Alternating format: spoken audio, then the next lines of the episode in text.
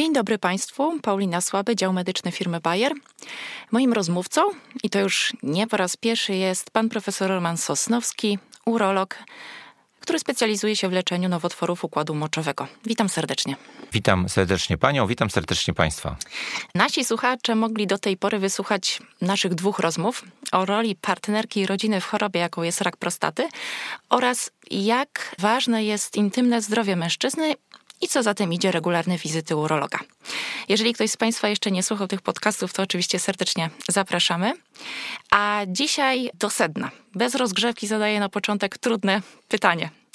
Przeczytałam artykuł pana autorstwa, gdzie natrafiłam na taką informację, że nie każdy pacjent z rakiem prostaty, który jest rozpoznany, jest leczony. I to w ogóle. A przed tą informacją widzę, że rak prostaty to najczęściej występujący rak, że powoduje dużą śmiertelność i nie tylko w Polsce, ale na całym świecie. No i gdzie tu jest logika, panie profesorze? Wszystko, co pani powiedziała przed chwilą, jest prawdą, i tutaj w raku gruczołu krokowego mamy dosyć trudną sytuację.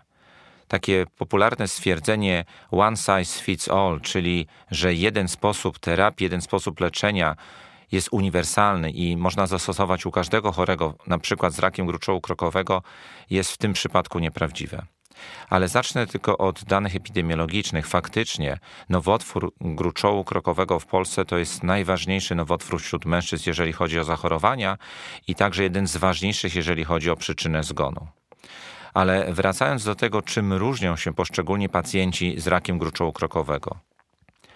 Wiemy z badań historycznych, z badań e, naukowych, że są grupy chorych, których ten nowotwór przebiega niezwykle powoli, można by powiedzieć, nie dając żadnego uszczepku na zdrowiu e, u danego chorego.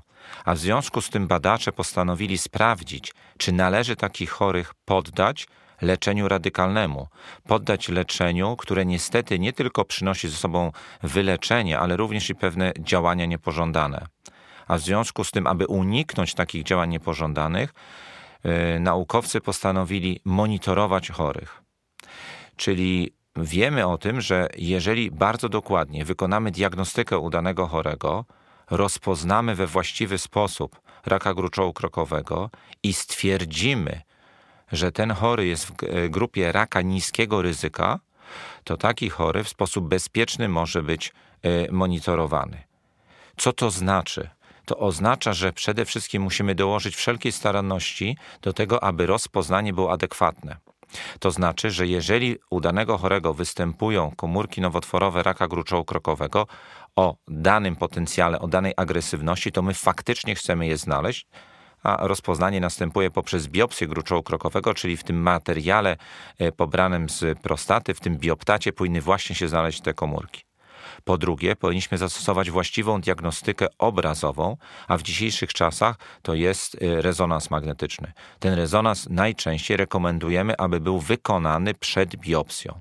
Po pierwsze, określa, ta, określa to ilość, y, objętość y, potencjalnego guza w gruczole krokowym, ale przede wszystkim pomaga nam wykonać właściwe bio, właściwą biopsję, czyli tak zwaną biopsję targetową, czyli pobrać igłą wycinki z obszarów podejrzanych.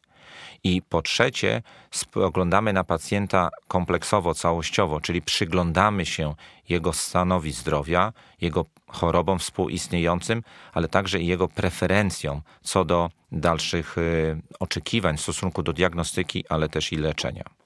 Ja sobie tak myślę, że jednak chyba to dla pacjenta może być niezwykle stresujące.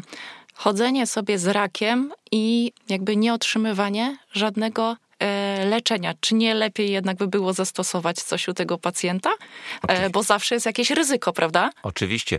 E, ma Pani rację, szczególnie tak jak Pani powiedziała na początku, że my jako urolodzy, jako medycy zachęcamy do badania się, do wczesnej diagnostyki po to, żeby ewentualnie wychwycić rozpoznać chorobę nowotworową na bardzo wczesnym poziomie zaawansowania i y, w ten sposób móc skutecznie pacjentowi zaproponować skuteczne leczenie. Tutaj y, odpowiadając na Pani y, pytanie, należy doprecyzować, że postępowanie polegające na tak zwanym y, monitoringu, na aktywnej obserwacji, na nazywamy to po angielsku active surveillance, dotyczy tylko wybranej, ściśle określonej grupy chorych z rakiem gruczołu krokowego, tak zwanym rakiem o niskim ryzyku. E, musimy wiedzieć, że ten chory, tak jak wspomniałem wcześniej, jest właściwie rozpoznany, ale też i przeprowadzić z chorym właściwą rozmowę. Po pierwsze, on musi zrozumieć, dlaczego prowadzimy takie, a nie inne postępowanie, czyli odroczenie leczenia radykalnego. Koncepcja polega na tym, aby uniknąć działań niepożądanych, które wynikają z leczenia radykalnego, takim jak e, radioterapia, to leczenie może być czy chirurgia, czyli radykalna prostatektomia, u chorych, którzy się kwalifikują do takiego postępowania, czyli przychodzi do mnie chory, może mieć wykonaną radykalną prostatektomię, ale ma raka niskiego ryzyka i przeprowadzam z nim i z rodziną rozmowę, że będziemy monitorować, będziemy odsuwać niejako w czasie ten moment takiego leczenia. Chory musi akceptować to postępowanie, czyli ma raka, ale ten rak jest niskiego ryzyka i będziemy go monitorować. I po drugie, musi akceptować protokół postępowania, protokół obserwacyjny, który y, będziemy mu proponować. A ten protokół polega właśnie na tym, żeby być pewny, że ten rak jest cały czas w tej grupie niskiego ryzyka.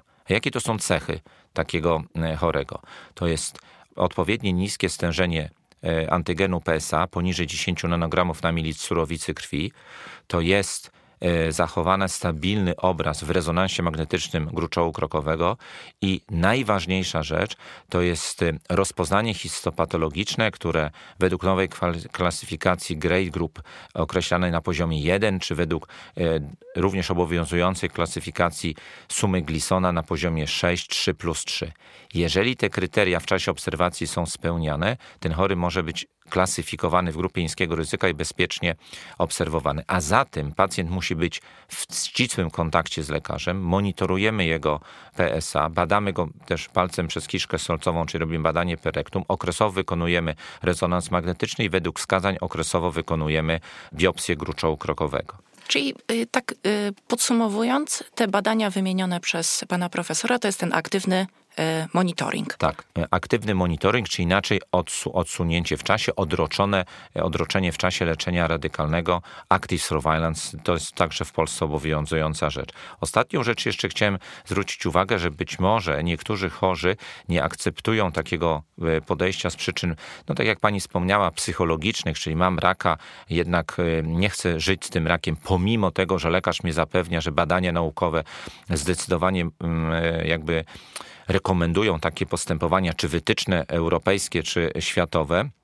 Ale także jest jeszcze inny aspekt, bo na przykład jeżeli chory ma bardzo duże problemy z oddawaniem moczu, ponieważ ma istotnie powiększony gruczoł krokowy, tak, w wyniku łagodnego przerostu, to dla niego radykalna prostatektomia nie tylko będzie sposobem na wyleczenie z raka gruczołu krokowego, nawet tego raka niskiego ryzyka, ale również na tak zwane pozbycie się tej przeszkody podpęcherzowej, czyli ułatwienie mu de facto e, oddawania moczu. Oczywiście, no tutaj należy zawsze powiedzieć o pewnych ryzykach wynikających z radykalnego leczenia. Głównie dotyczą one właśnie nietrzymania moczu, czyli problemów z oddawaniem moczu, e, zaburzeń w sferze seksualnej, czyli zaburzeń erekcji, czy różnego rodzaju problemów z, e, nazwijmy to, dolnym odcinkiem przewodu pokarmowego, podrażnieniami z tego obszaru, które głównie e, dotyczą radioterapii.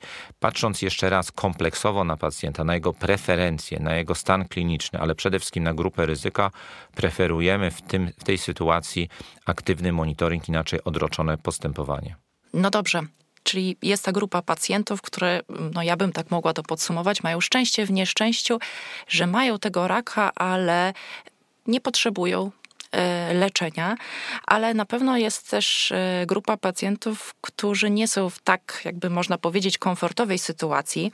I chciałam tutaj dopytać, czy są jakieś e, czynniki, e, jakieś ryzyka, które sprawiają, że ten i ten mężczyzna ma większą szansę na zapadnięcie na ten typ nowotworu lub będzie go ciężej przechodził? Tak, ale zanim odpowiem na to pytanie, wrócę do Pani pierwszego wątku e, w e, zdaniu, które Pani przed chwilą powiedziała. My posiłkujemy się takim stwierdzeniem Early Detection Prostate Cancer, czyli właśnie postępowanie, które ma za zadanie wykrycie raka, gruczołu krokowego, zanim ten rak ujawni się w sposób kliniczny.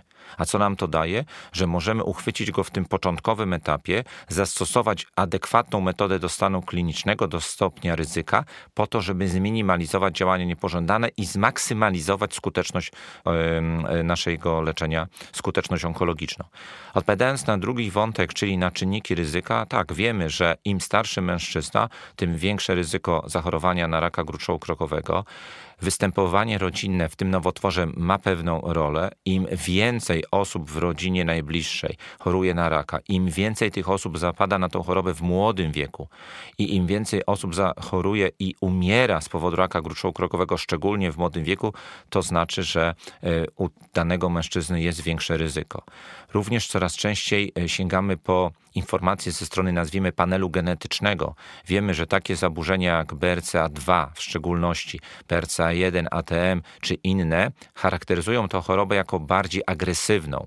Nie wiemy jeszcze dokładnie, co to oznacza w aspekcie e, wczesnej diagnostyki czy mm, active surveillance, ale wciąż robimy w tym aspekcie badania i wiążemy tutaj e, bardzo duże nadzieje. Czy takie mm, jakby e, mutacje genetyczne, nie wiem, czy się dobrze wyraziłam, czy właśnie one są dziedziczne? Możemy tak. się spodziewać, tak jak pan profesor mówił, że jeżeli nasz tata tata pacjenta miał taką, takie rozpoznanie na podstawie takiej mutacji genetycznej, to mm, pacjent prawdopodobnie odziedziczy? Tutaj odpowiem tak. W przypadku raka prostaty około 10% e, chorych jest związanych, czy rozpoznajemy tak zwane wyraźne występowanie rodzinne to nie jest taki nowotwór, który zdecydowanie większość e, chorych e, możemy powiedzieć, że wynika z e, problemów, nazwijmy to, przenoszenia właściwych czy odpowiednich genów w danej rodzinie. W dzisiejszych czasach nie do końca wiemy, co dalej zrobić z chorym, u którego rozpoznajemy mutację właśnie na przykład BRCA2. Poza tym, że wiemy, że musimy bardzo dokładnie go monitorować. Inaczej mówiąc, nie wykonujemy żadnych prewencyjnych działań, na przykład chirurgicznych w tym przypadku, tak jak podobnie jak są y, takie działania w innych chorobach nowotworowych. Ale na przykład możemy takiego chorego poddać właśnie ścisłej obserwacji. Mówimy o obserwacji w ramach wykrycia raka gruczołu krokowego.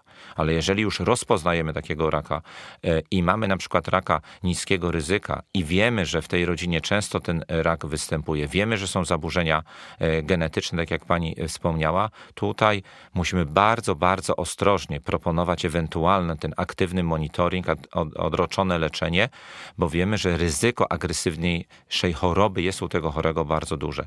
Czyli tak, badania genetyczne, tak, patrzenie na to, co się dzieje w naszej rodzinie, ale zawsze w dyskusji, nazwijmy to z lekarzem prowadzącym, ze specjalistą, aby właściwie dopasować te informacje.